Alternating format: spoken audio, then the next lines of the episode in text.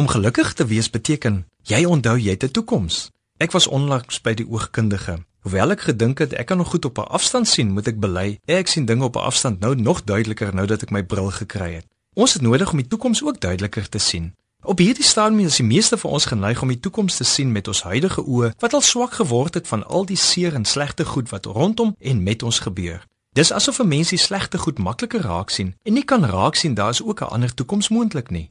Daarvoor het ons 'n geloofsbril nodig. Dis die vaste vertroue dat God ons nie aan ons eie lot oorgelaat het nie, maar dat hy 'n beter toekoms vir ons het.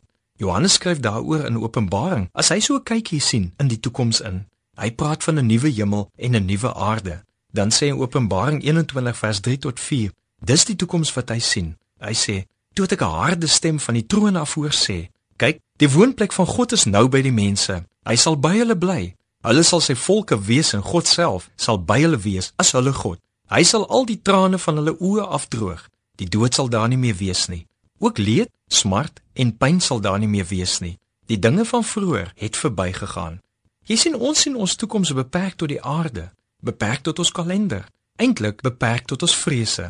So ons het nodig om die bril van geloof in God op te sit sodat ons kan weet hierdie goed is hier en nou en net tydelik. Daar wag 'n ewigheid van vreugde op ons. Ons is op hierdie aarde besig om so lank gereed te maak totdat ons in daardie nuwe werklikheid ingaan. So die pyn en die seer, die moord en verkrachtings, die armoede en droogtes, dis alles net tydelik, maar so ook is rykdom en posisie, status en rang, paleis en nuutste motor ook net tydelik. Daar's 'n ander, 'n beter, 'n vreugdevoller toekoms wat wag.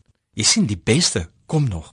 So moenie toelaat dat jou huidige situasie, of dit nou goed of sleg is, die laaste sê oor jou lewe het nie. Dis nie jou finale toekoms nie. Daar is veel beter wat wag. Hoe kry jy daardie toekoms? Dis wanneer jy jou lewe vir Jesus gee.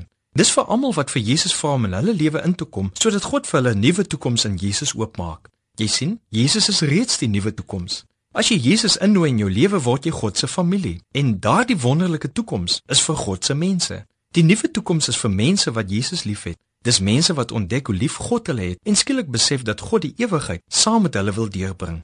God wil nie die ewigheid op sy eie deurbring nie. Hy soek sy kinders. Hy soek sy mense om hom en by hom en dis ons toekoms. So kyk verder as die slegte nuus en as geld en goed. Die beste kom nog. Dis hemelse vreugde.